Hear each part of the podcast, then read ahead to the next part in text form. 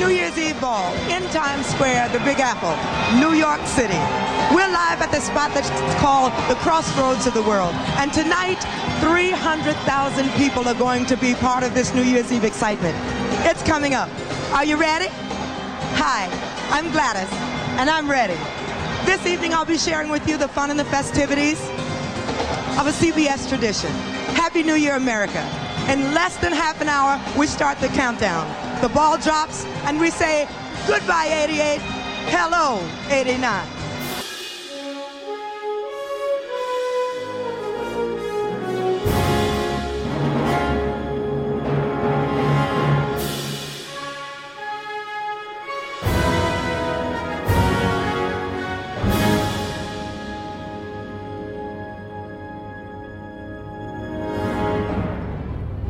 Kjære lytter, velkommen til en ny episode av Lolbua. Norges eldste og mest potente og mest inspirerte podkast om spill og populærkultur.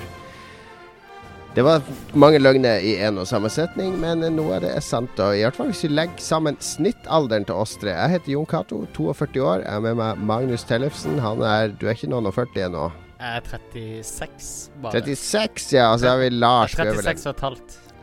Og Lars Rikard, du er du runder 40 snart. Det gjør jeg, men jeg er fremdeles 39. Ja, vi er nesten 100 år til sammen, da. Klamrer meg til eh, under Jeg tror- 40 Vi er mye mer enn 100 år til sammen.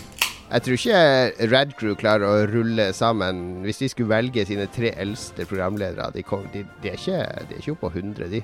Nei, vi er ikke i nærheten. Men det er ganske Vi er, mange. vi er godt over. eh, vi er 36 pluss 42 pluss 39 Så det er innafor å kalle oss for Norges eldste podkast. Så Det er i, summen av år til de tre programlederne. Ja. Mm. For det er sånn man regner eh, alder i alt, er det ikke det? Summen av de tre eldste. Bortsett fra VG og Aftenposten og sånn driver og lager podkast, og der er det jo sikkert en del sånne gamlinger med. Så det kan hende at de faktisk slår oss. Jeg tror faktisk at VG regnes som den eldste avisen pga. de tre eldste redaksjonsmedlemmene. Det er, men vet I media vet du, så, så er de vant til å vri og vende og og snu opp ned på alt for å, å, å få statistikken i deres favør. da. Så når, når det har vært sånn prisutdeling i media, og Dagbladet har vunnet én av 100 priser, så står det i Dagbladet 'Dagbladet er storvinner', på, og så står det kun om den prisen Dagbladet vant i Dagbladet. Så står det kun om de prisene VG vant i VG. Og det, er, eh, det, det er vanlig taktikk i medieverdenen, er det ikke det, Lars? Ja, men jeg tenker da må jo vi starte, starte en sånn podkastpris, hvis ikke det fins spillpodkastpris. Tok de ikke med podkaster i den der eh, det, det er sånn årlige radiopriser der eh, Radioresepsjonen vinner hvert eneste år fordi de har så stor fanbase som stemmer på det. Men jeg tror podkaster er med der, er det ikke det? Uh. Ja. Men vi har jo ikke ja, sjans mot sånn der eh, sånn som Dusten er med Hasse Hope og det er sånne kjendiser som kommer inn og lager podkaster, og, så- og så skaffer de seg gjerne sånn distribusjon gjennom VG eller noe sånt, sånn at de kommer rett på toppen av iTunes. Vi har jo ikke sjans til å konkurrere mot sånt. Vi kan vinne eh, podkasten med flest Hitler-referanser i en episode. Eh, prisen. Der er det Det er ingen som slår oss. Det kan vi i, i løpet av en sesong, tror jeg også vi vil gjøre det bra på. Mm. Det tror jeg. det tror jeg. Vi har, vi har foreløpig spart Hitler. Vi er noen minutter ute i sendinga. Vi har ikke nevnt Hitler ennå.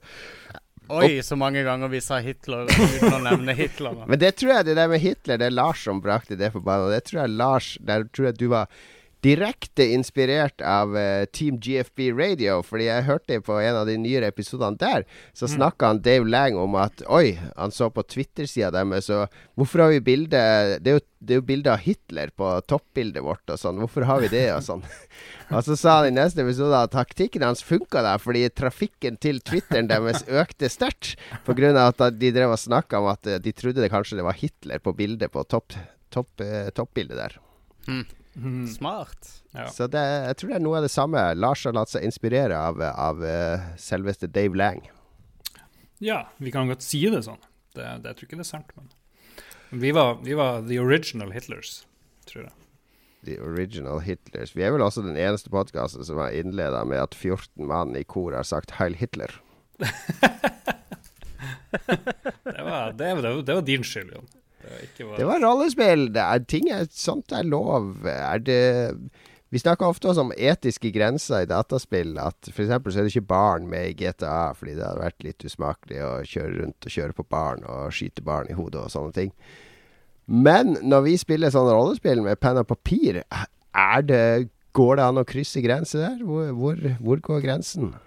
Det er en arena uten noen som helst eh, kontroll. Innholdskontroll. Eh, det er jo opp til Hvis, hvis Dungeon Masteren er syk i hodet, så kan det bli ganske syke greier. han, Varg Vikernes, for eksempel, han er jo en ivrig rollespiller og sitter jo og lager systemer opp og ned i mente, men han er jo heldigvis sånn, mest sånn fan av Rollmaster og sånne uendelig med detaljerte, realistiske tabeller.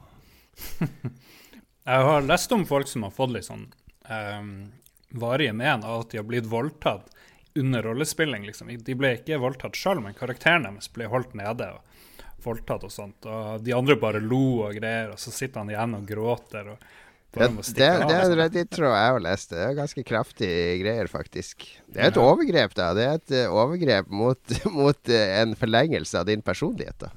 Ja. Magnus, du sitter og ler, ler høyt der. Hånler, ser jeg. Nei, ikke i det hele tatt. Jeg sitter bare helt stille. Du, du er en av de som driver og voldtar andre i rollespill, du? Nei, jeg er ikke sånn. Ikke sånn 4chaner. Kom her, du eh. lille dverg. Så skal vi holde deg nede. ja, nei, nei overhodet ikke. Men jeg, jeg, spiller ikke så mye rollespill. Jeg har ikke spilt så mye rollespill siden jeg gikk på ungdomsskolen, kanskje. Det var vel siste gang egentlig jeg spilte ordentlig. Uh, Hvilke rollespill gikk de da? Uh, jeg var veldig glad i Tun. Um, Flying Dutchman spilte vi, og noe Call of Cthulhu. Uh. Yes. Men jeg var veldig glad i Tune. Det er et veldig Det er der sikkert spilt. Jeg har aldri spilt det, men det, det, vi var sånne seriøse rollespillere ja, da. Altså, Tune var jo Det var jo, det var jo bare teit. Skulle jo være tegnefilmfigurer. Ja, ikke sant. Eh, hele greia Det er jo et sånn Roger Rabbit-univers, da. Altså der det er tegneserielogikk som regjerer, som er ja. lovende. Ja. Jeg spilte det på Arkon 10, faktisk. Så. Oi, oi, såpass! Ja, du spilte tun på Arkon. Hva var, fortell meg om karakteren din. Han hadde sånn catchphrase. Han knaska gulrot og sa sånn eh, What's up, doc? Nei, jeg var, jeg var, faktisk ikke så veldig hardcore på, på rollespilldelen. Men jeg hang med, og det var mer en kompis som var med storebroren hans på Arkon. da um, Men det var veldig kult. Da vi spilte der, så husker jeg bare det var et sånt skip som ikke fikk ikke vind i seilene. Og da var det en i teamet vårt som fikk en idé om å feste et tau i masta. Så dro alle i tauet, og så gikk vi fremover. Så det var sånn type logikk hele tida. Det var ganske kult. Morsomt. All right. Mm. Takk eh, til alle som har holdt ut vår eh, improviserte intro. Og Det er improvisert i Lolbua, er det ikke det? Jo, skammelig du, du, har nettopp vært gjest i Red Crew, eh, Magnus, ja. og du kom tilbake og sa ja, her var, her var det ordnede former, og det var noe annet enn Lolbua, ja. Ja, det var det. Det var, det var strammere opplegg. Det var, det var, som å uh, komme på en karusell som uh, var tillatt for alle aldre. Med tvangstrøye på. Hva sier du? Karusell med tvangstrøye. Uh, ja, det var ikke så mye tvangstrøye, men det var, det var koselige, uh, ordna former. Og jeg følte meg trygg i vogna jeg satt i, i karusellen. I motsetning til Lolbua, som er noe mer uh, spennende, kaotisk reise. Det er jo Altså, man skal ikke føle seg helt trygg, føler jeg. Da blir det, det blir litt sånn kjedelig, sånn silke, nattåpent-stemning for lytterne. Vi skal heller ha det der anarkiet med at vi kan når som helst pounce på deg og angripe, og du må inn i forsvarsposisjon og litt bitterhet. Jeg føler det, det gir oss en edge som de andre mangler. Det er dobbel, dobbel skade med backstabbing, er det ikke det? I hvert fall. Crit. Uh, men, men uh, det var veldig kult å, å, være med på det. Radcrew Red Crew har et, som sagt, et veldig smurt maskineri som det er veldig gøy å, å være med på.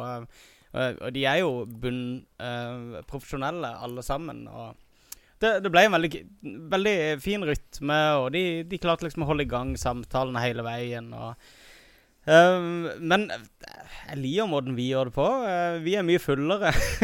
men det er mye mer kaotisk og vanskelig med oss. Men, men det er liksom, du er nesten litt sånn andpusten når du er ferdig med sending med Lolbua. Ja, vi skal være litt slitne. Det skal være litt ja. som å være i uh, en boksekamp og på fylla og uh, på en scene samtidig.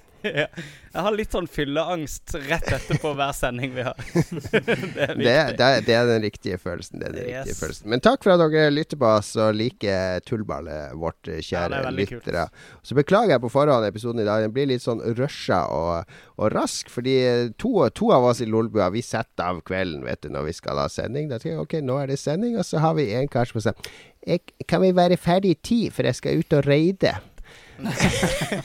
så det, er eh, Det blir eh, vi, vi, kjører hardt og kompakt. Det blir en time. Det blir sikkert over en time. For denne samme Vi skal ikke nevne noen navn, men denne samme personen, da. Det er jo han som skal klippe sammen episoden, så han lover å putte inn masse lyd og musikk. Så vi, mm. det blir nok en halvannen time.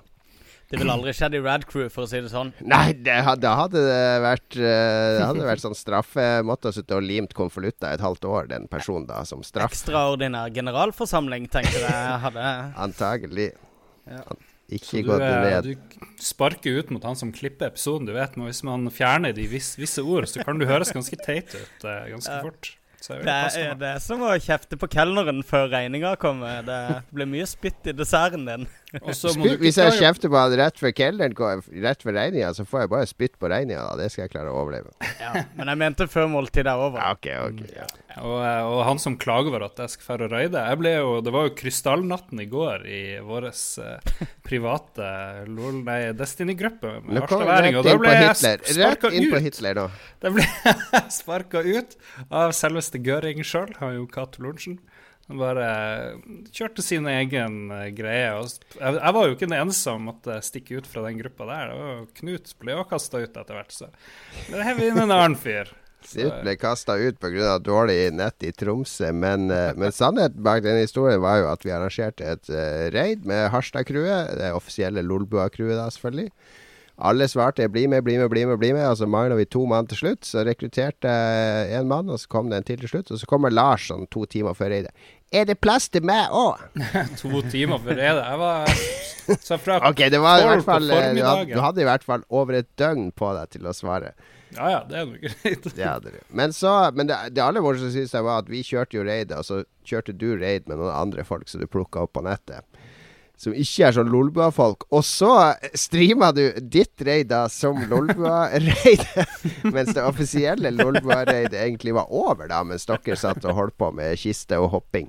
Jo, men dere hater jo å bli streama, så da må Ja, vet du, det snakka vi faktisk om når vi raida, hvor deilig det var å ikke, ikke få høre den der 'Jeg må slapp av mikrofonen da. Ja, nå er det en som spør om noe her.' ja, det er, dere er direkte anti-streamervennlige.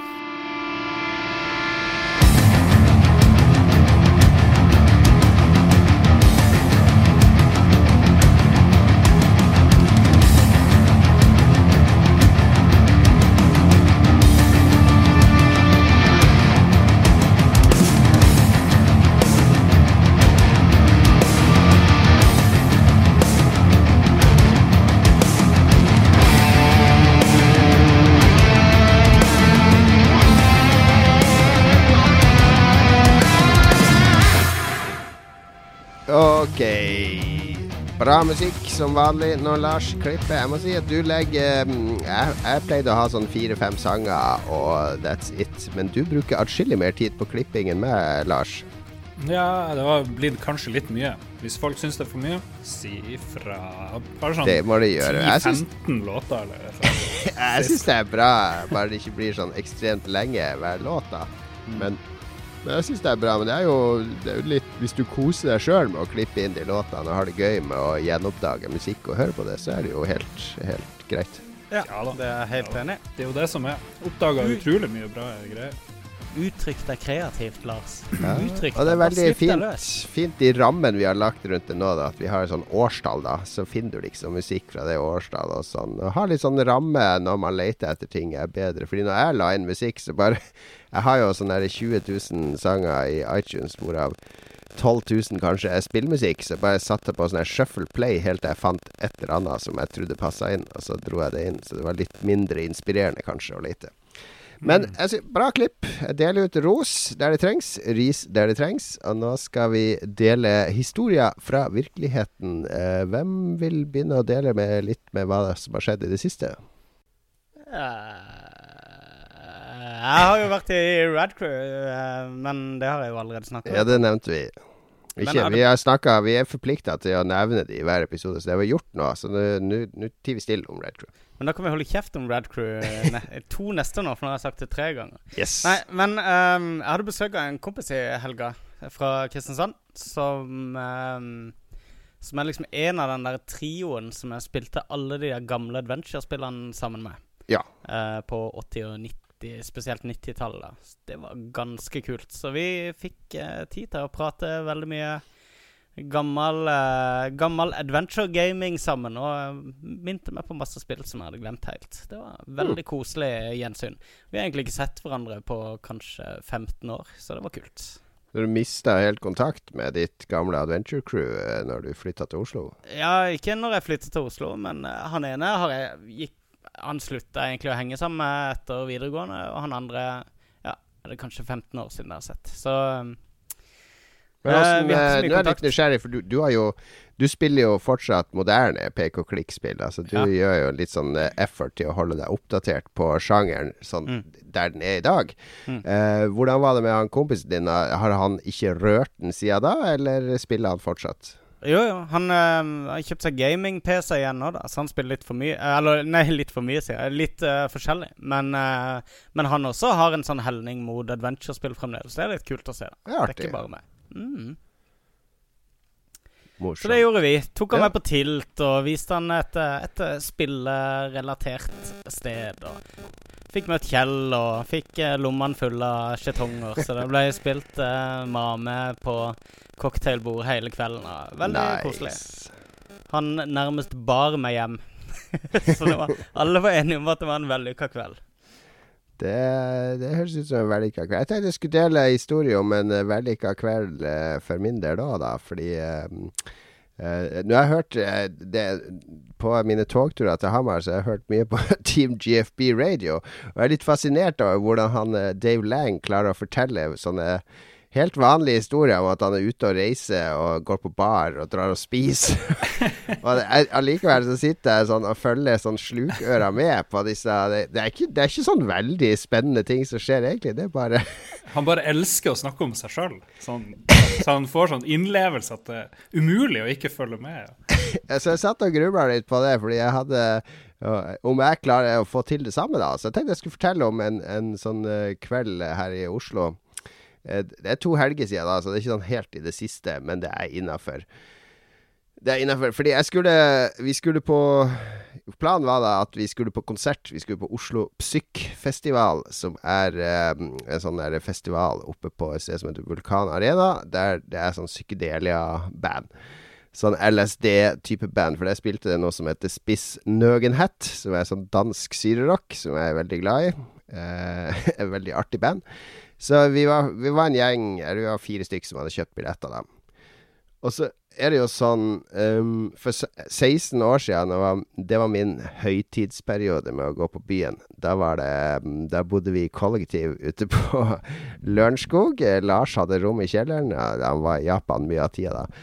Men vi var en gjeng der, og, det å gå ut når du er 6-27 år, det var jo Sov jo til tolv, altså ut og kjøpe pizza og øl, og la det opp med å spille TV-spill til fem, og så var det å lage spilleliste, og så var det å sitte og drikke til 10-11-tida, og shotte Tequila. Så var det ut, toget ned til byen, rett på So What, ned i kjelleren, henge der til klokka tre, drikke seg dritings. Nattmat, eh, taxi hjem, fylle taxien opp med folk, nachspiel hjemme, i seng i seks-syv-tida, og så sove hele søndagen. Det var Det var, det var perfekt måte å gå ut på da man var ung. Men når man runder sånn 40 og har tre unger og kone og litt sånne ting, så er det helt Det er litt annerledes å gå ut, så Det er ikke bare fordi du har unger, det er fordi det er ufattelig patetisk å gjøre akkurat det samme. Nå, Det egentlig. er jo det. Eller det ja, føles jo, det sånn. er godt du sier det. Det gjør det godt. Men det er, det er litt sånn jeg, husker jo at vi hadde mye gøy, mye frustrasjoner i den tida, men noen ganger så savner du det der å bare gå på sånn flatfilla uten konsekvenser, uten å vite at du må ha ansvar dagen etter. Pluss at, at du kan ikke sette av hele dagen til det, sånn som du gjorde før, da. Så den lørdagen her, ikke sant, så skulle vi ha treåringen ble fire år den dagen, så vi skulle ha sånn familieselskap fra tolv til tre. Og så hadde vi Firmaet mitt hadde sånn stand på Film fra sør, der vi skulle ha Among the Sleep fra fire til ni på kvelden. Var, så jeg måtte ned og rigge det klokka fire. Og så måtte jeg ha barneselskap fra tolv til tre. Og så måtte jeg stå opp mange ganger klokka syv. Så det, det, er ikke akkurat sånn optimal oppladning til å dra ut. Du får ikke, du får ikke ligge på sofaen og halvsløve foran filmer og fylt magen med pizza og, og, andre ting som skal ligge og ta imot alkoholen hele kvelden. Det er stress, stress, stress. Og så endelig sånn klokka fire-halv fem så var jeg liksom ferdig nede på Filmens hus der. Da hadde han karen som skulle bemanne standen min kommet. Jeg hadde overlatt ansvaret til han. Og mine gode venner Espen og Robin Skoglund hadde da dukka opp. De skulle være med på konserten. Og vi sto der da klokka fem. Hva gjør vi nå? Altså, begynner ikke før klokka ni. Vi står midt i Kvadraturen i Oslo.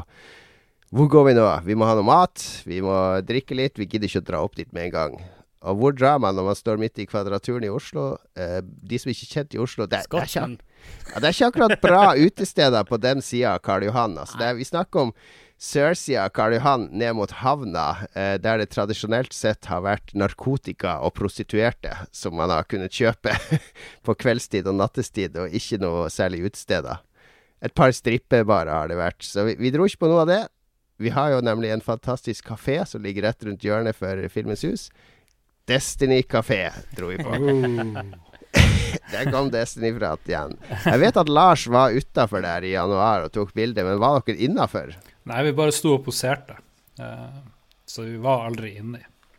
Vi gikk da inn, og det var det, Der kommer du inn i ekte Oslo. Der kommer du inn i, i det Jokke og de andre beskriver. Her er arbeiderklassen. Drikke øl. Her står det store handleposer på gulvet med, med poteter og Ringnes. Og det var, det var ikke noe sånn craft-øl i baren. Det var ikke noe IPA her. Her var det én type øl. Og det var mest fascinerende var at du kunne bestille mat der da. De hadde to typer toast. da Det var en vanlig toast, og så var det burgertoast. Hva nå det er. Det, det, det, gikk jeg og tenkte på hele kvelden. åssen en burgertoast så ut av det. Men vi tok to øl på Kafé Destiny. Veldig hyggelig sted. Følte oss hjemme. Og de hadde jukebox, og der surra og gikk det jokke og gammel metal fra 80-tallet hele tida. Så det er absolutt et sted jeg trivdes. Hva du, eh, hva du drakk, og hvilke kjendiser Eh, møtte du? For det er sånn fast Dave Lange-observasjon? Ja, nei, det var overhodet ingen kjendiser der. Men det som overraska meg mest, det var at det var sånn bred, altså det var sånn stort langbord der som vi satt rett bortafor. Og der satt det liksom alt fra folk i dress til folk i sånn der arbeidsoverall, til gamle mm. damer, til unge damer. Det var sånn der salig blanding. Og, og, ofte når du ser sånn, så er det folk fra samme arbeidsplass, men her var det bare folk fra, fra Jeg vet ikke Sentrum sentrum. folk som ville inn på et uh, autentisk sted og bare snakke med folk og slappe av. Det var rett og slett hyggelig stemning der, selv om det var brunt og Du har litt hoteller i strøket der, som det har du. sikkert forklarer noe av det. Ja, det kan nok um, være noen som detter inn av den grunnen. Men jeg husker jeg og du i gamle dager, Magnus, vi, vi elska jo å krasje på Dovrehallen, eh, som var sånn sted der de på 60 pluss gikk ut, der vi satt litt sånn småironisk og humra av de. Vi ble jo, vi, vi ble jo utestengt etter hvert fra det stedet. Et Tande P sitt sted. Ja, men, men, uh, dette men det her var ikke et sånt sted i det hele tatt. Det var ikke noe sted der vi lo av folk. Det var bare et sted der vi følte oss hjemme og, og i vennlig selskap. Destiny jeg, jeg, har gått forbi der mye, og det ligger jo midt i Er det ikke Skippergata? Det, det er i Skippergata, ja. Um, gamle uh, headquarters for uh, narkogjengen etter at uh, plata ble fjerna. Og um, oh. Jeg har mange ganger gått forbi der og tenkt at uh, For det, ser, det ser veldig stusslig ut, det stedet utenfra i hvert fall. Det er ikke så, er ikke så mye bedre på innsida, for å si det sånn. Det ser litt ut som sånn siste stopp på en måte, i et, i et sånn livsperspektiv, ja. da. Så navnet Destiny har jeg alltid syntes har vært så utrolig at det, det, det, må kreve så mye før du liksom plukker Destiny som stambula di. Da er det jo bare sånn Ja, det var vel skjebnen, det, da. det kan du si, det kan du si. Men altså, vi, vi gikk derifra, så var vi Da var vi på Her skal vi gå flere ganger. Vi gikk yes. ut, så sto det folk og røkte utfor, og de liksom ha det bra! Og sånn der hyggelig ting for å få fra fremmede i Norge. Altså Nordmenn sier ikke sånn til hverandre, selv om de er uh, halvfulle. Det, det, var veldig hyggelig der. Men vi gikk i hvert fall videre. Vi skulle ha oss mat, så vi tenkte vi kunne dra opp på Mathallen. Fordi Vulkan Arena, der uh, konserten skal være rett ved Mathallen. Men 30 meter bortafor Destiny kafé så står det en uh, ung dame utafor der det pleide å være et gatekjøkken, der det tydeligvis var noe nytt, og delte ut sånn lapp 'Hey, you want a burger?' sier hun.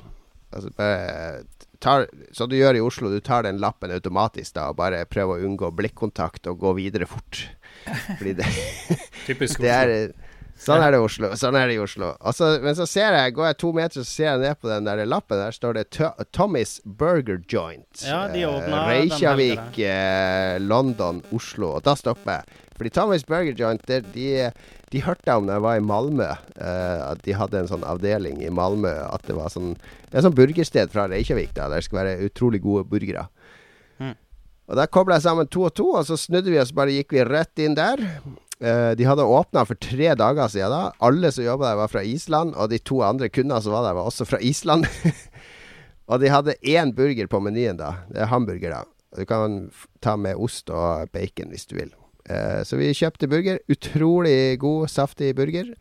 Vi følte oss som de pre-hipsterne, for det her stedet var det sånn 40 stykk som hadde signa inn på Facebook, eller som likte dem på Facebook. Og eh, Eh, alle går på munchies. Altså Burger er jo inn i Oslo nå. Det har blitt mm. eh, big business. Så vi, vi følte oss Vi var pre-hipstere. Så i dag i Dagens Næringsliv så sto det artikkel om at Tommys Burger Joint hadde kommet til Oslo. Så nå, nå er det slutt på, eh, på uh, ingen kø der. For det, det er lite lokal, altså. Men det var fett og bra priser. 165 spenn for 150 grams burger, brus og pommes frites. Bra Dave Lang-historie.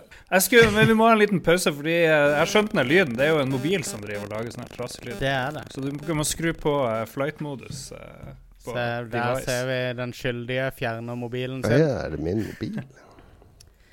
For det var den der standard ditt, ditt, ditt, ditt. Sånn. Yes. Vikaren, jeg kan bare klippe det sånn at jeg fortsetter, hvis du vil uh, utbrodere videre på kvelden hvis det skjer noe. Ja, jeg kan snakke resten av sendinga om den kvelden. Jeg vet ikke om jeg har lyst til Nei, men Har du et poeng du vil frem til, eller skal vi gå? Hva er poenget ditt, Jon? Hva er poenget ditt? OK, vi kan gå inn igjen her.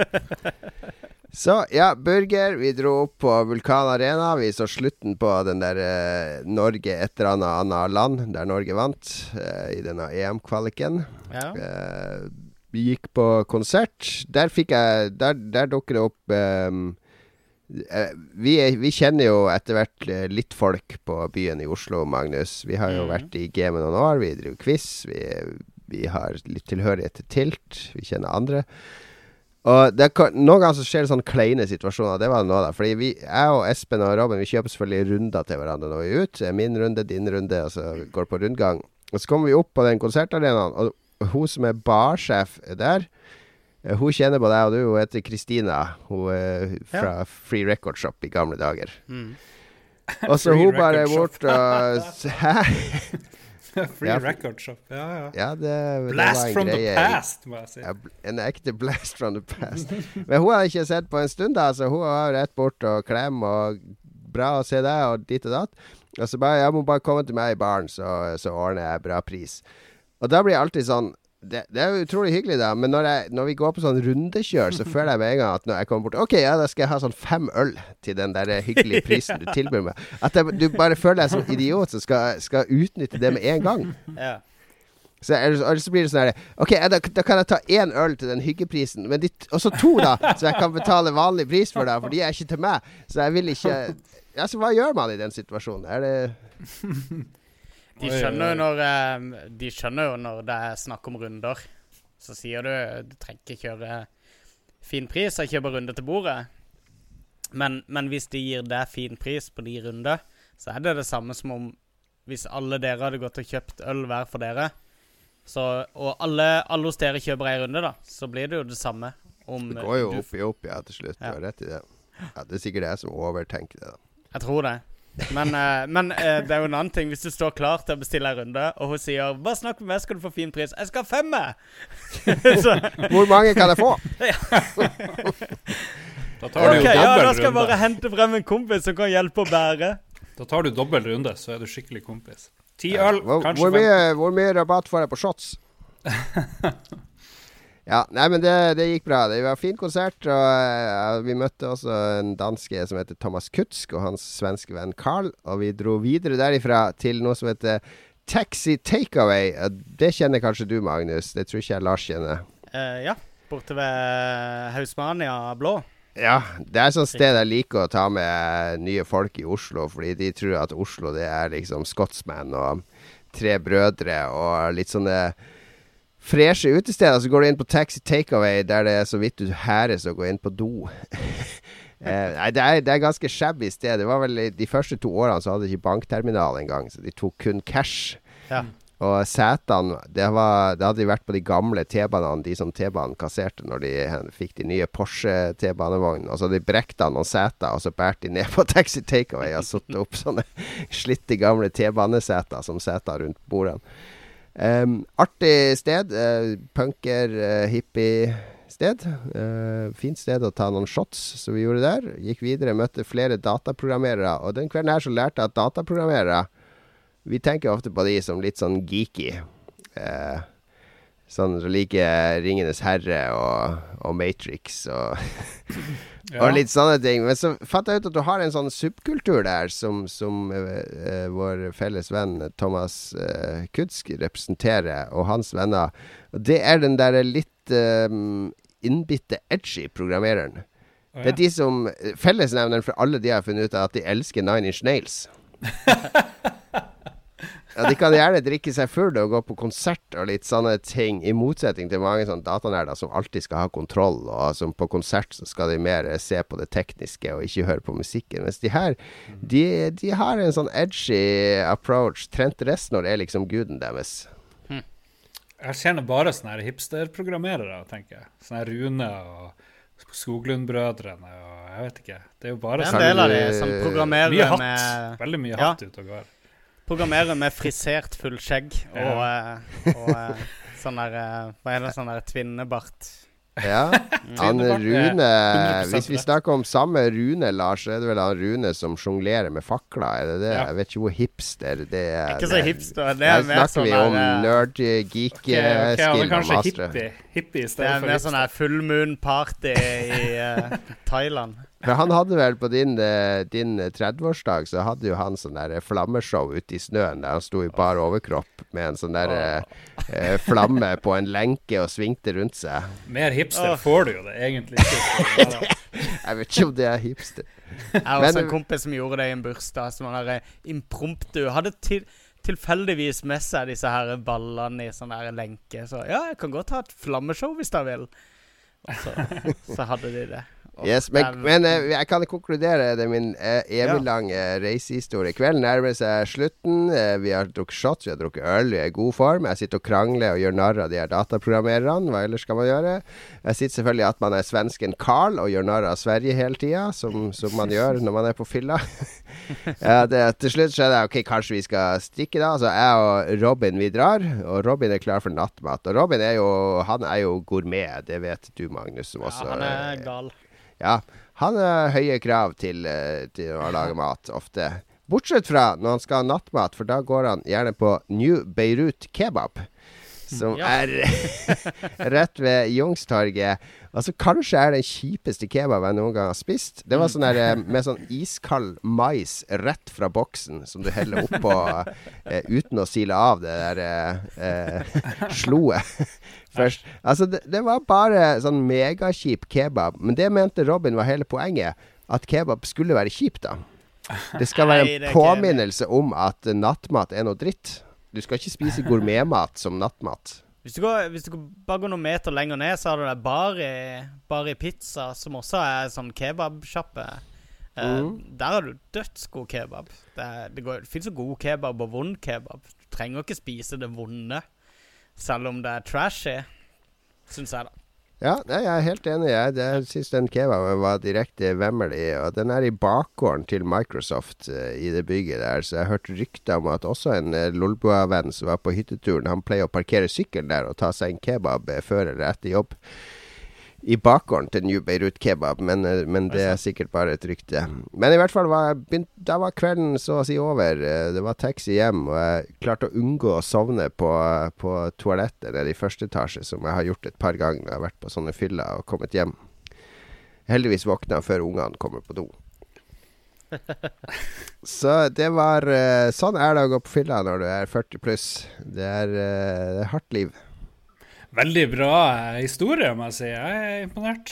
Veldig, veldig fornøyd. Så, Jeg er så, jeg nesten veldig, fyllesyk. så er veldig glad. Nå slipper jeg å si noe, for nå kan vi liksom Nå har du tatt deg av hva har skjedd i det siste Da kan vi gå rett eh, videre til nyhetsspalten. Men vi må gjerne få feedback fra lytterne, da. Vil de ha flere litt sånne lange historier fra ting og tang som skjer i hverdagen og, og Oslo-liv, eller var det her spolematerialet?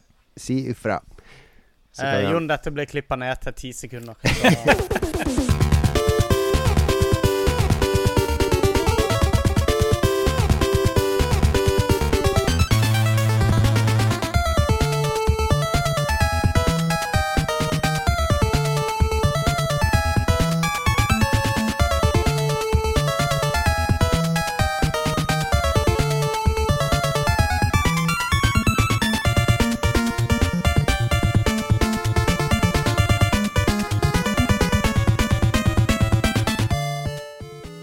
Nyhetsspalten er tilbake. Den har vært i uh, hiatus en stund. Jeg vet ikke om det er noe norsk ord som heter hiatus. I dvale. Dvale, ja. Det har vært uh, ugyldig fravær i noen episoder. Men nå eh, har vi fått tak i nyhetsspalten. Vi har tvunget vårt nyhetsanker Magnus O'Reilly bak uh, mikrofonen igjen. Uh, har vi det? Er det ikke du som alltid er nyhetsankeret? Eh, jo, det er kanskje det, men jeg har ikke åpnet nyhetene, så jeg kan i hvert fall ikke ta den første. All right. Det er jo eh, Er det Lars er det du som har laga de nyhetene? Det er jo bare at vi skal diskutere noen ting som har skjedd. Det er ikke noe mer uh, fiks Ok, jeg kan ta den første, da. Vi, vi skal snakke om to ting som har skjedd i spillbransjen i det siste. Og Det første er at uh, Hideo Kojima, uh, utvikleren bak Metal Gear Solid-serien blant annet, eh, har avskjedsfest, har Lars skrevet her. Hva mener du med det? Jeg har munnen full av pizza. Jeg kan, jeg kan godt si det. Uh, dette snakka vi om i Rad Crew i går også. Det er veldig morsomt, fordi at på den ene sida så har, uh, har Konami vært ute nå og sagt at uh, Nei, Kojima han har ferie. Han har ikke slutta i Konami. Jeg skjønner ikke hva dere snakker om. Og så var det en som da la ut bilde fra avskjedsfesten til Kojima. Så jeg vet ikke om de har tradisjon om å ha sånne avskjedsfester hver gang noen drar på ferie. Det er jo min, min ville teori. Men, men eh, det er jo selvsagt bare en sånn aksjonærflørt med Konami. De bare prøver å Og som andre hadde teorier om, så har han sikkert en kontrakt som går ut typisk ut året eller et eller annet sånt, og så har han tatt seg betalt ferie ut eh, kontraktens eh, levetid, som han man gjerne gjør. Ja. Jeg har tenkt en del. Jeg har spilt veldig mye Metal Gear Solid 5, men litt sånn dratt over tid. Hver gang min kompis Jens Arthur kommer på besøk, så sitter vi en time eller to og så spiller vi det i lag. Det er veldig morsomt. Bytte, bytte mellom hvert mission eller etter hvert liv, og så får vi bare rundt og plassere C4 eller gjør sånne teite ting. Og det er jo det som er gøy, når det kommer sånne story missions hvor det er masse babling og, og ting som skjer, og ikke jeg er i kontroll, så syns jeg det er kjedelig.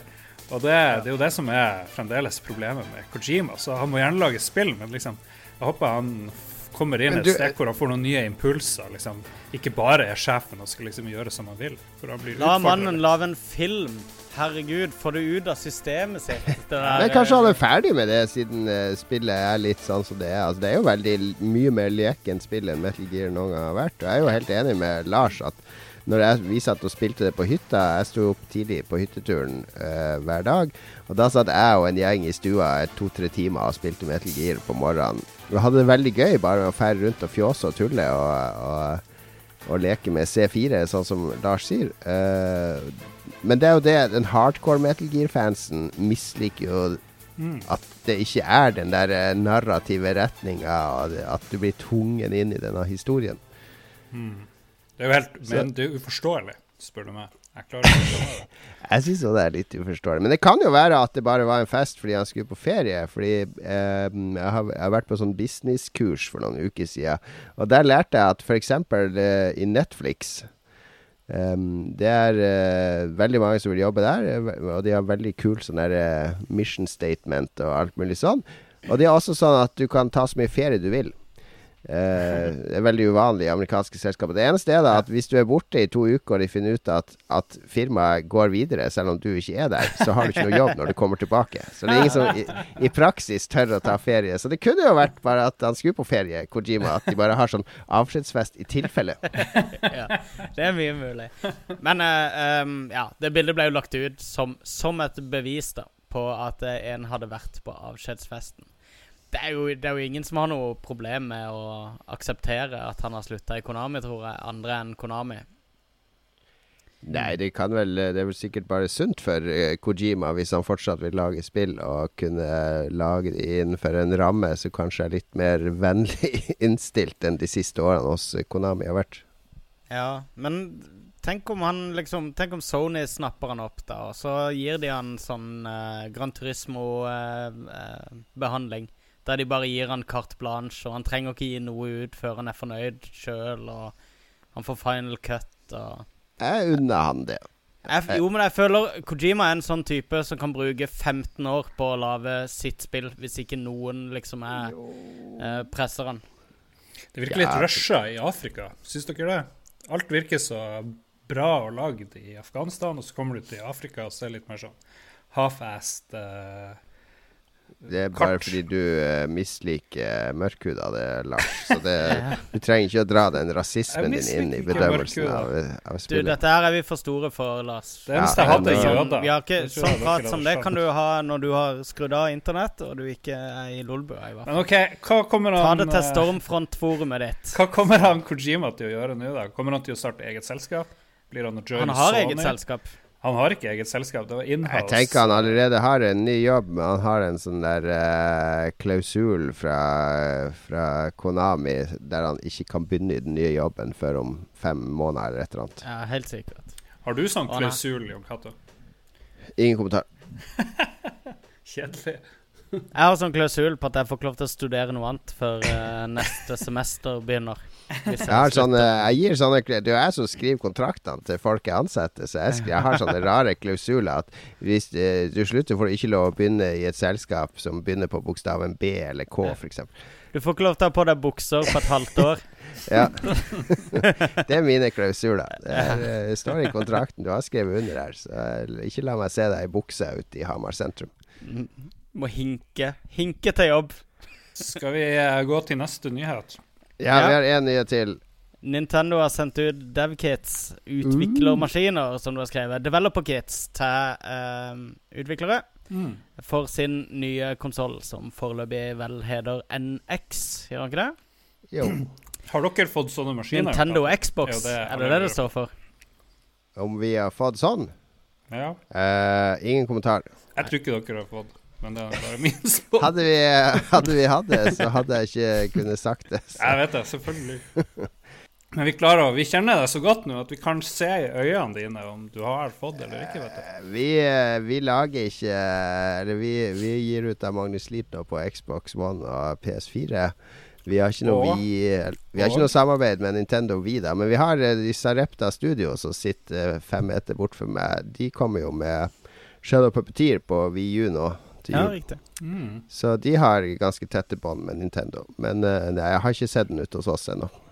Mm. Kanskje den dukker opp. Det blir gøy, det. Da skal jeg si ifra.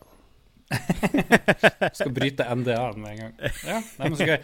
Jeg gleder meg ikke til en ny Nintendo-maskin. da Det er jo litt trist, kjenner jeg. Jeg er litt sånn F. Jeg er jo godt fornøyd med min Wii, eh, sånn sett. I, din Wii U, mener du? Um, som jeg har sagt før òg, at hvis du fordeler uh, um, konsollprisen på de spillene du har spilt mye på uh, konsollen. Mm. Uh, nå er jo folk uh, her i Lolbua har vel fått de fleste spillene gratis, regner jeg med, da. Men hvis vi ser på det, så blir det veldig dyre spill for folk flest. Uh, hvis det ikke er den eneste konsollen. Hvis du bare spiller for å spille de, de gode Nintendo-eksklusive titlene. Ja, Og sånn var det på Wii også. Jeg, jeg, sier det hver gang det kommer en ny Nintendo-maskin, at uh, denne gangen så gidder jeg ikke. Men så, så gjør jeg det, og så tenker jeg at uh, neste gang skal jeg lytte til meg sjøl og vente til det kommer en killer-app. Nå ser det ut som den nye Zelda kommer på NX også. Det er i hvert fall det spekulasjonene sier. Det er Eh, smart. det er litt bullshit, er det ikke det? Ja. Nei, det, det har du gjort en gang før. Det funka jo greit, det. Ja, det, det er jo det jeg nettopp har sagt, at det funka ikke greit sånn de har gjort det, de to forrige.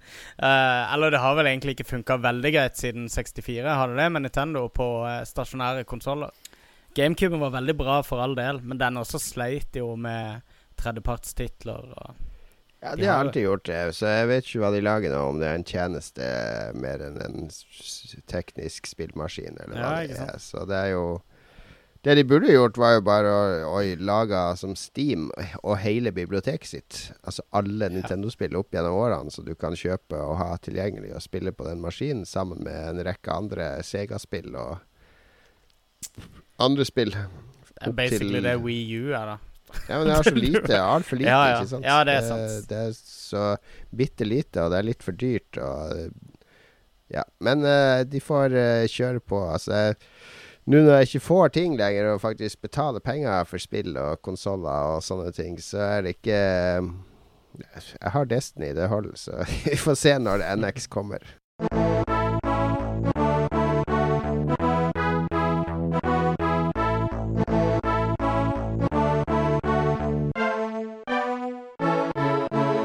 Forrige uke så ble jeg meget skuffet, for min favorittspalte i Lolbua for tida, det er selvfølgelig Gjør Amerika greit igjen, eh, med vår USA-korrespondent Lars Richard Olsen.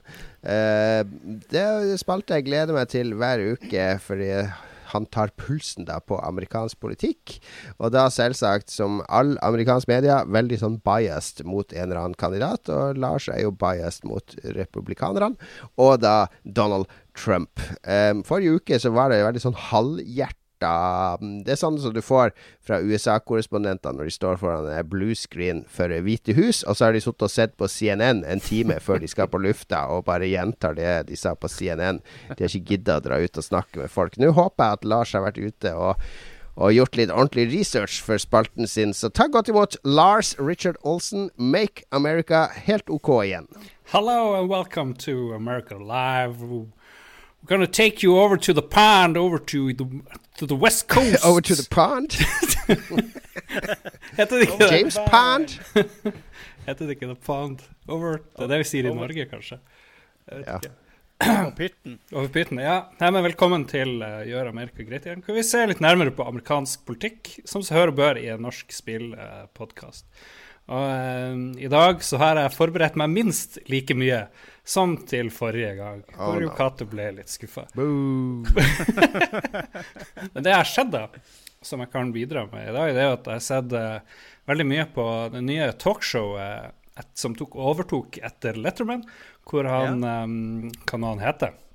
Hva han heter for noe, han fyren? Det har jeg liksom uh, Stephen mye på Colbert. Colbert, ja. Stephen Colbert. Han som hadde The Colbert Report. Ja, ja, ja. Han er Ja. morsom. Han er veldig morsom, så jeg anbefaler han. Han hadde sånn kjempeuke forrige uke. Han hadde uh, Oprah Winfrey, og han hadde eh, Jack Black og masse sånne her eh, gode, gode gjester, vil jeg si. På et han har jo bare sett i, der, eh, i den der characteren sin i Mm. Colbert Show. Åssen funka han som sånn Letterman-host, der du skal liksom være deg sjøl og sjarmere?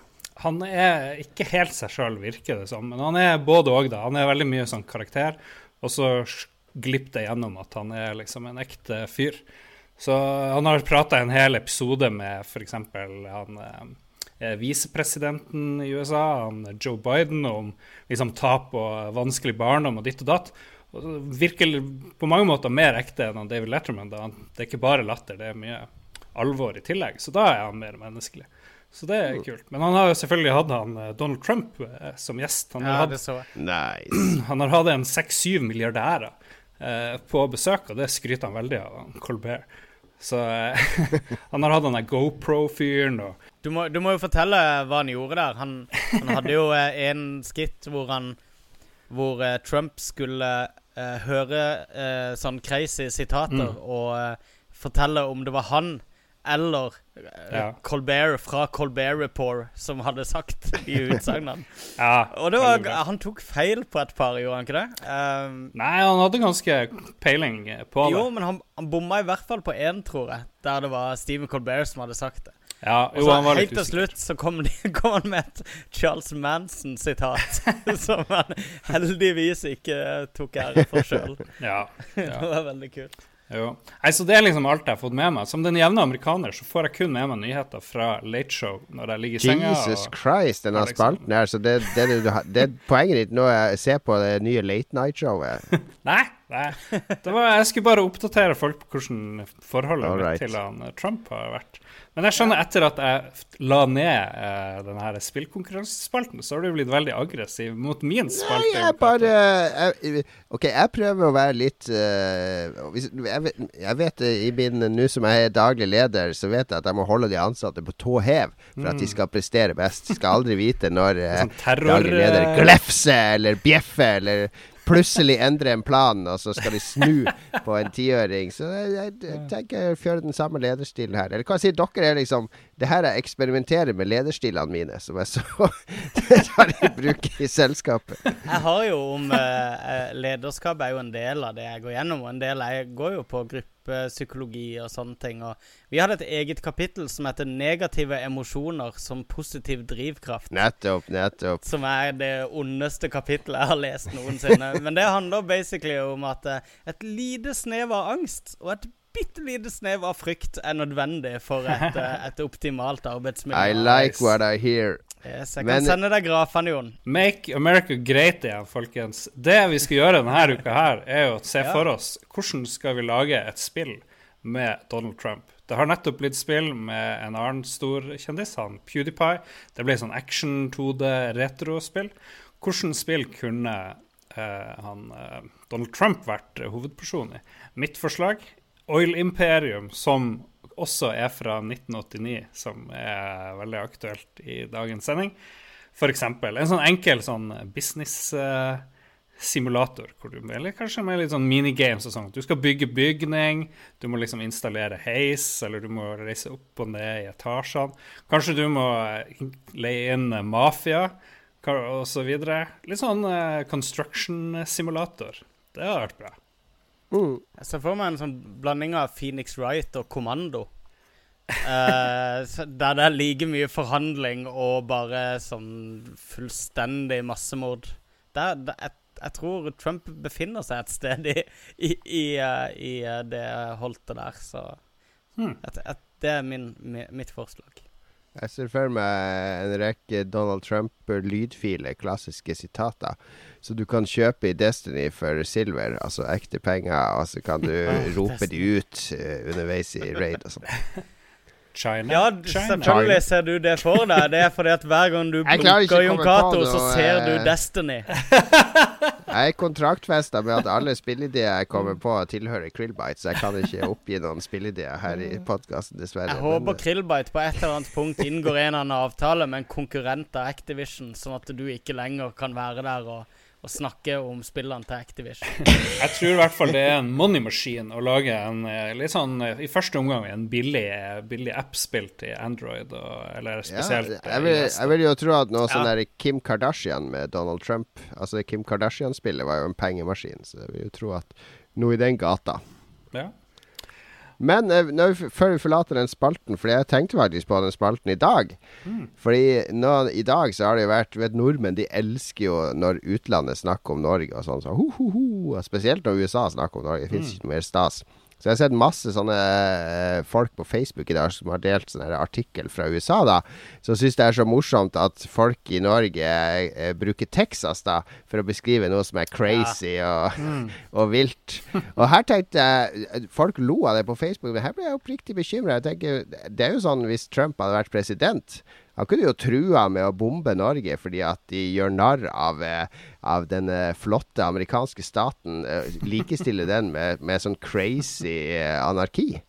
Eh, her må vi passe oss. Her må vi må herved slutte å bruke ordet Texas, at ting er helt Texas når det er kaos. Fordi Kanskje vi skal Trump- begynne å si Island, for de har ikke her, ikke sant? Ja, ikke eller ting er helt, ting er helt Canada.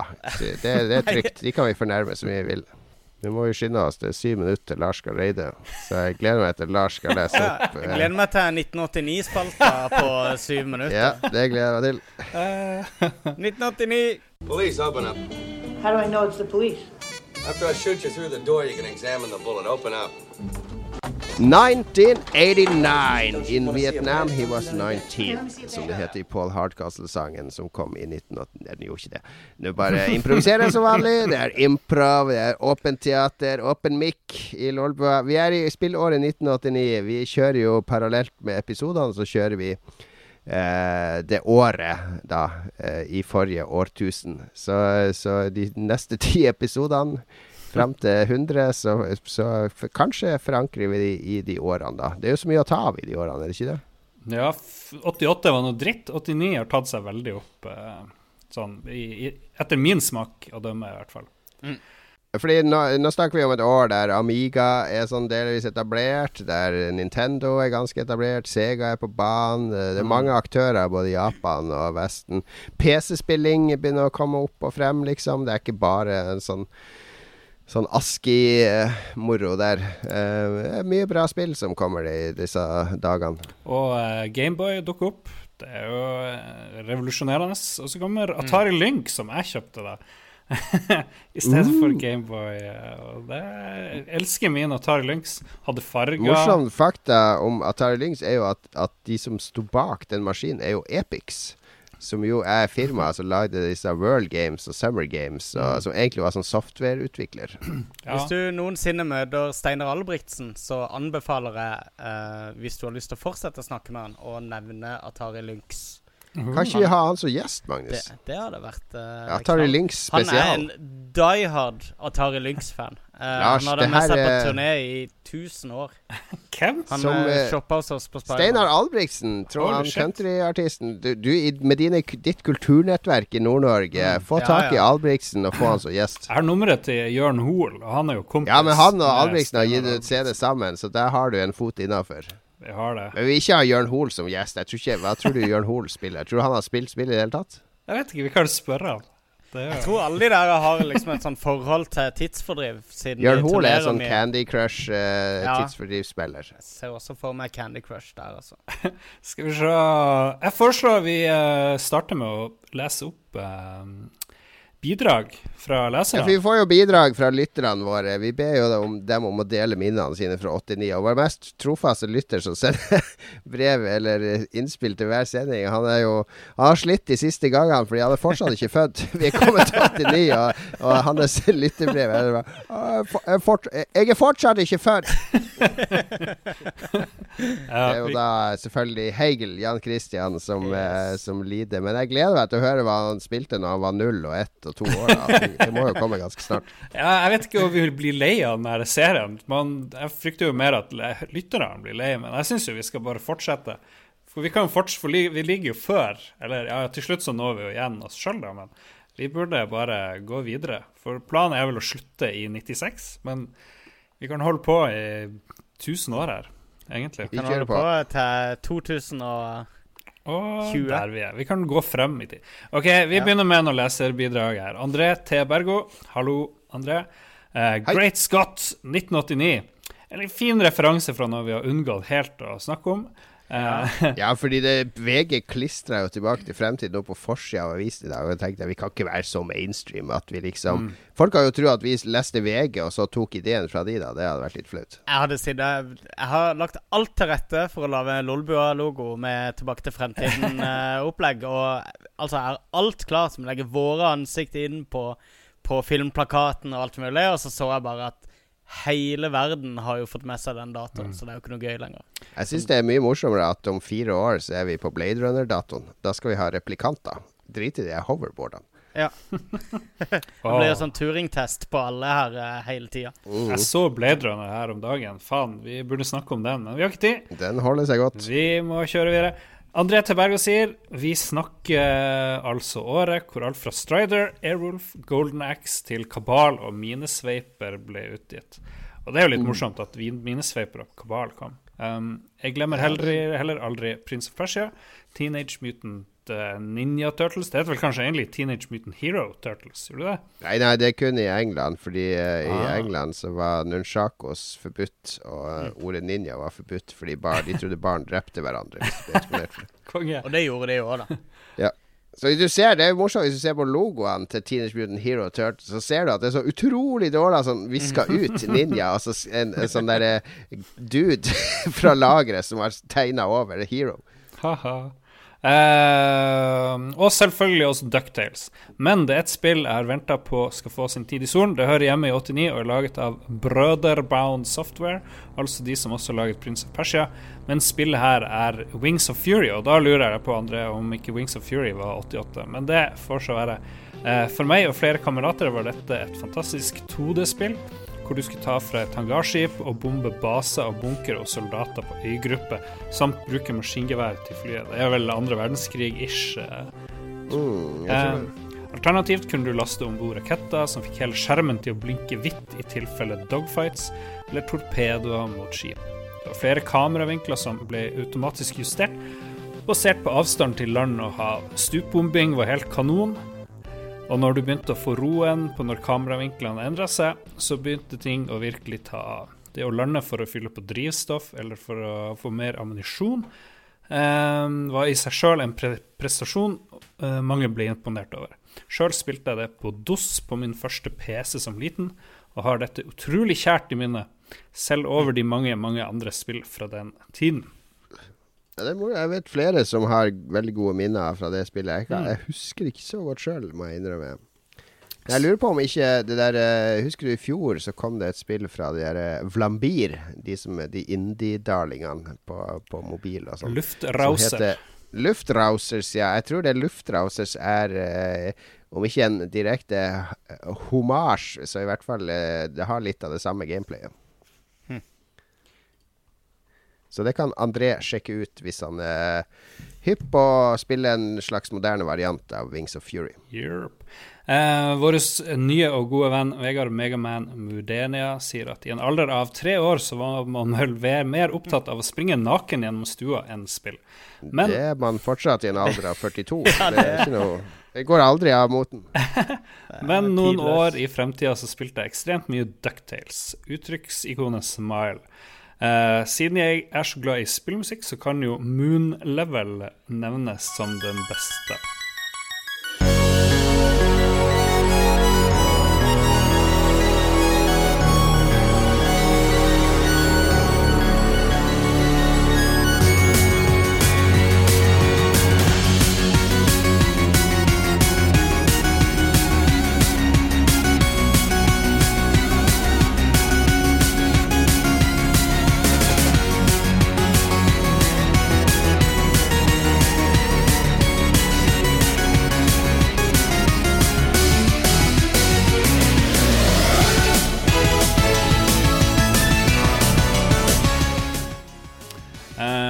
Å se dere raide i går, Lars. Ja, Ja, der kan du se, Jon. Det er, det er feil. Det er kult å se deg raide i går, Lars. Ja. Men uh, ja, det var uh, Men Ducktales, jeg vet jeg jo f.eks. vår venn, eh, vår sjef Jostein Hakestad, han har jo et nærmest erotisk forhold til, til Ducktales.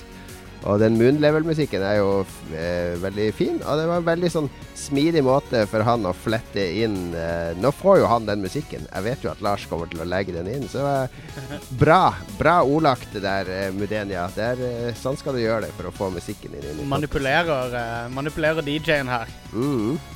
Tom Ødegaard sier at Space Quest 3 er et av mine tre originale Amiga-spill. Det fulgte med et sett med papirbriller med svinesnute for ekstra immersion. Nice. Ja, riktig. Det var liksom De som lagde eh, Space Quest-spillene, de kalte seg for Two Guys from Andromeda. Og de hadde liksom en sånn look med noen sånne space goggles og, eh, og eh, griseneser, da. Det stemmer, det. Det ble gitt ut sammen med spillet. Jeg visste ikke at det kom med Amiga-versjonen. Jeg visste det kom med PC-versjonen. Ja, det meste kom på begge to, men treeren er det Jeg, jeg spilte eneren. Jeg kan ikke si jeg har noe forhold til de, eh, de andre i serien. De ble rett og slett for evil, de spillerne, for min del. De, de Ja. straffa deg så veldig for sånne småting du gjorde feil. Men Var Og, du sånn eh, vak vaktmester i alle spillene, da, eller var det noe sånn progresjon? Du er jo en space janitor. Det er jo liksom utgangspunktet. Han heter Roger Wilco, som det tok mange år før jeg innså hvor morsomt det var. Ah, Eh, det navnet hans het. Morsom pønn. Um, Google det hvis dere ikke skjønner det. For Lars, du ser det, Lars sitter og tripper. Det, det, det klør i Og raidfingrene hans. Kom igjen, da. Må ikke bli tenkte, meta. Jeg skal utbrodere alt her nå. Vet du at du sier tre med romertall her, Ødegård? Ja, for det var, det var jo spesielt for den serien. At OK. OK. ok Harald Brobakken Danielsen sier han spilte en del på Slurva i 1989. Det var tider. Nice. Hmm. Men kan vedde på at Gusta the Boss koste seg med Super Mario Land og Golden Axe, som noen år senere skulle vise seg å bli to av mine favoritter. Stem på Gusta. He knows your future favorites. Så ja. Her får vi shoutouts til vår sjef eh, Jostein. Er det, ta og Sjekk den kontoen, om det bare er sånn alt som, eh, som Gusta har, da. Det kan Det godt er nok hende. eh, Radbotten som, Ja, eh, som Radbot. Jeg har spilt mye med uh, Harald uh, Destiny, faktisk. Så det, det er en eh, fan av oss, spesielt uh, deg, Jon Cato, tror jeg. Men er han med i Lolbua eller Red Crew-klanen da, i Destiny? Han er selvfølgelig med i Lolbua, tror jeg. Jeg. Godt. Ja, alt er tilgitt, Harald. Skal vi se. Pablo pluss Petit eh, Pingvinus, eh, som absolutt er et alter ego for noe. Eh, en tidsreise tilbake til 1989. Sier du hver gang.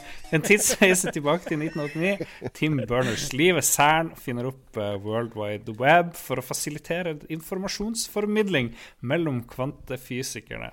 Det var mye vanskelige ord her. Meanwhile, Her har vi dataprogrammereren. Er meanwhile back in Sweden. PewDiePie blir født. Oh, the irony. En fin observasjon. blir Ja, det var en veldig flott eh, sammenheng der. Ja, PewDiePie blir det. født samtidig som World Wide Web blir født. Ja, Ja, ja, ja. Ja, De er jo skapt for hverandre. Men vi er jo fans av PewDiePie sånn offisielt, er vi ikke det? Jo, jeg har ingenting imot han. Han er, han er bedre enn ryktet vil ha det til. Syns jeg husker at jeg var fan for sånn ett år siden, eller halvannet år Ja, siden. du da ble jeg bare ja, ledd, rotta. Da hater jeg han. Så du var hipster der. Du var forut. Mm. Du, du skapte Du satt presedens der. Det skal du ha. Og så avslutter vi selvfølgelig med det Jon Cato uh, hinta til. Jan Christian Hegel var ikke født Yay! på denne tiden. Eller 'Jeg var ikke født på denne tiden'. Uttrykksikonet Tong. Men kjenner vel best til Minesweeper, og skjønner enda ikke hvordan man vinner i det. Uttrykksikonet Tong. Det er jo Skjønner jeg. Altså, OK, da Lars, kan du kjøre eh, Magnus, du er jo vår Let's Play-sjef. Da kjører du en Let's Play på Minesweeper i Det løpet av uka, som, eh, som Jan Christian kan følge med på og lære. Yes, Vi kan ta en sånn her eh, sånn mega-minesweeper. Sånn Du skal runde, runde Minesweeper. Yes, Med løsning. ja. All righty. Alle, alle easter eggs. Da er vi ferdig. Da skal vi slippe Lars. Eh, han skal få lov til å gå og raide. Er det andre raidet ditt denne uka? Uh, ja. Så du skal Og så er du på hard raid på fredag, da? Jeg har ikke noe avtale der, altså. Tror det blir rolig i helga. Min uh, samboer Mats skal jo flytte i helga, så jeg må bruke litt tid. og Skal spise en bedre middag. Og, ja, litt sånn avskjedsfest, tror jeg. Og så blir det mye spilling for å glemme, glemme det uh, hullet han legger igjen uh, når han forsvinner, vil jeg tro. Absolutt.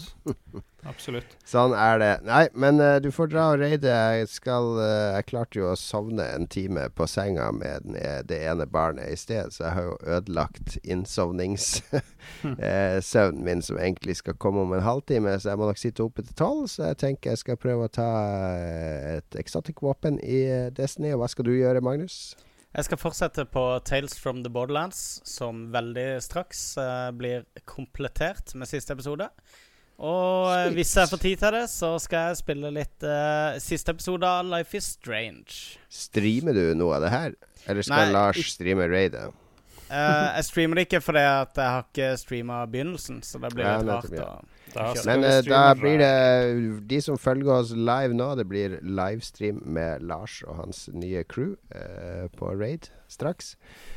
Takk for at du fulgte oss uh, på lydfila, i hvert fall. Du som hører på podkasten. Det er jo de aller fleste av dere. Men de som har lyst til å se oss live, det er morsomt å se oss live òg. De har et par uh, beinharde followers der. Vandrefalken og et par andre som bidrar sterkt i chatten. Kommer med tilbakemeldinger. Veldig glad for det. De som hører på podkasten, veldig glad for at dere hører på podkasten. De som følger oss på Twitter, veldig glad for at dere følger oss på Twitter. De som følger oss på YouTube, veldig glad for at dere følger oss på YouTube. De som følger oss på Twitch, veldig glad for at dere følger oss på Twitch. De som følger oss på Facebook, veldig glad for at dere følger oss på Facebook. De som følger oss på Instagram, veldig glad for at dere følger oss på Instagram. Vi er ikke på Vi høres Jo, jeg, vi har Lolbo på Instagram, men det er meg, da. Ja. Vi er på, vi er også på Slack nå. Ja, vi er på Slack, men det kan vi snakke mer om Ja. når vi har funnet mer ut av Slack. Ja. Um, neste uke så skal jeg til Bergen på Konsoll, som er sånn stor uh, spillevent for norske spillutviklere med foredrag, og der kommer det en dude fra Double Fine som jeg skal møte, og flere andre. Så det er mye celebert besøk der. Uh, så jeg drar dit onsdag, så vi må ha sending tirsdag. Er det greit? Det går bra for min del. Ja, Jeg Flott. håper det. Vi får se. Kanskje i Trondheim, da. Nei, jeg vet ikke. Jeg er sikkert hjemme. Glem det. Det går Vi prøver det. Yeah. Takk til alle sammen som har hørt på. Vi høres igjen om en uke. Ha det bra. Ha det bra. Ha det. OK, save. Legg inn ting. Who's next?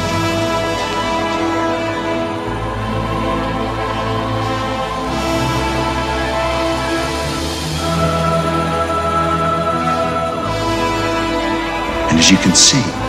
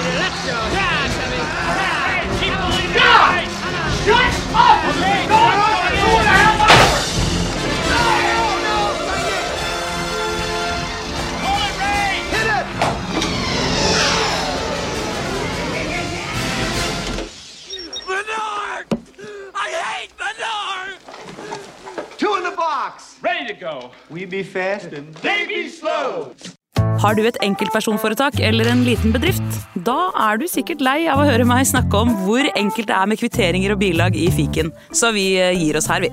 Fordi vi liker enkelt. Fiken superenkelt regnskap.